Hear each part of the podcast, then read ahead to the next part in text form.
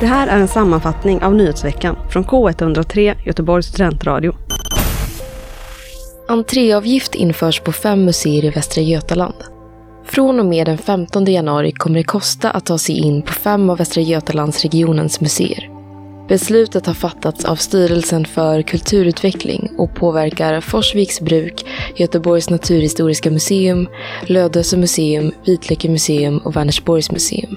Fri entré gäller dock fortfarande för barn och unga under 20 år. Vi måste agera ansvarsfullt utifrån det rådande ekonomiska läget, sa Jan Alexandersson som är ordförande för Styrelsen för kulturutveckling i ett pressmeddelande. Detta mot bakgrund av hög inflation och ökade fastighetskostnader. Polisens nya rapport över utsatta områden släpptes i förra veckan. Biskopsgården i Göteborg klassas inte längre som ett särskilt utsatt område. Istället har klassificeringen sänkts till den mellersta nivån, riskområde. Detta enligt polisens bedömning. Enligt biträdande regionspolischef Robert Karlsson har det sett en positiv utveckling i Biskopsgården. Med hjälp av hög polisnärvaro och rekordmånga som har kunnat häktas har polisen fått ett kraftigt genomslag. I Västsverige finns 11 utsatta områden. Biskopsgården är inte längre bland de särskilt utsatta, utan bedöms vara ett riskområde som är den näst högsta nivån. Nästa år ska Sahlgrenska universitetssjukhuset bli 2000 anställda färre. Detta bestämde sjukhusledningen fredagen den 1 december. Enligt Göteborgs-Posten beror detta på att sjukhuset har gått back med 1,2 miljarder kronor under 2023. I budgeten nämns bland annat pandemin, inflationen och de stigande räntorna som orsaker till underskottet. I dagsläget har Sahlgrenska ungefär 16 000 anställda. Budgeten har fått kritik från flera håll. Sahlgrenskas vice ordförande Johan Fält sa till GP att citat, det är ju inte bara att göra sig av med personal. Vi ska ju ha ett fungerande sjukhus också. Slutcitat. Även Läkarförbundet har kritiserat beslutet. De menar att nedskärningarna kommer att försämra arbetsmiljön. Världscupen i längdskidor bjöd på ett historiskt resultat under helgen den 2-3 december på hemmaplan i Gällivare. Under lördagen stod 10 kilometer på schemat för både herrar och damer, men även om det var svensk på podiet så var det ingen svensk som vann. Men det ändrade damerna på under söndagens stafett.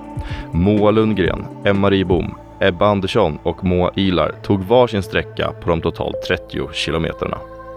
Men redan från början satte USA upp ett högt tempo som höll sig länge. För när halva loppet var kört och det var dags för den andra växlingen fick Ebba Andersson skata iväg 20 sekunder efter USA. Men Andersson visade form. För vid den sista växlingen hade hon lyckats komma ikapp och förbi USA och gav Moa Ilar ett försprång på nästan 5 sekunder. Ett försprång som förvaltades väl. Ilar kunde både vinka glatt i hemmapubliken och göra en segergest på upploppet innan hon gled över mållinjen som vinnare.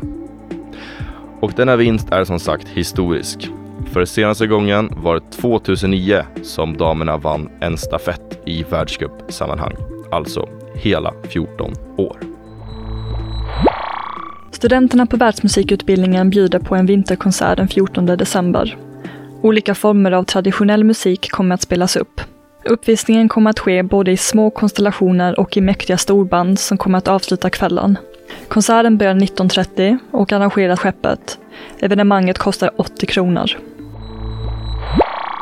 Några artister kommer att anordna evenemang som alternativ till Sveriges Radios välgörenhetsprojekt Musikhjälpen. Tema på kampanjen är Allas barn rätt till liv, enligt Aftonbladet. Evenemangen anordnas till stöd för krigsdrabbade barn i Palestina. Initiativet kommer efter att komikern Philip Dickman petades från Musikhjälpen efter att ha diskuterat kriget i sociala medier. Evenemangen kommer att äga rum i Göteborg, Malmö och Stockholm. Den 12 december blir det Göteborgs tur. Bland de medverkande artisterna finns Syster Sol, General Knas och Aki. 23 nya akter presenterade till Roskildefestivalen. Roskildefestivalen slår till med en andra runda av stjärnspäckade tillägg till sin lineup. Sedan tidigare var det känt att Foo Fighters, PJ Harvey och Kali Uchis kommer uppträda. Men nu i veckan släpptes alltså 23 nya akter.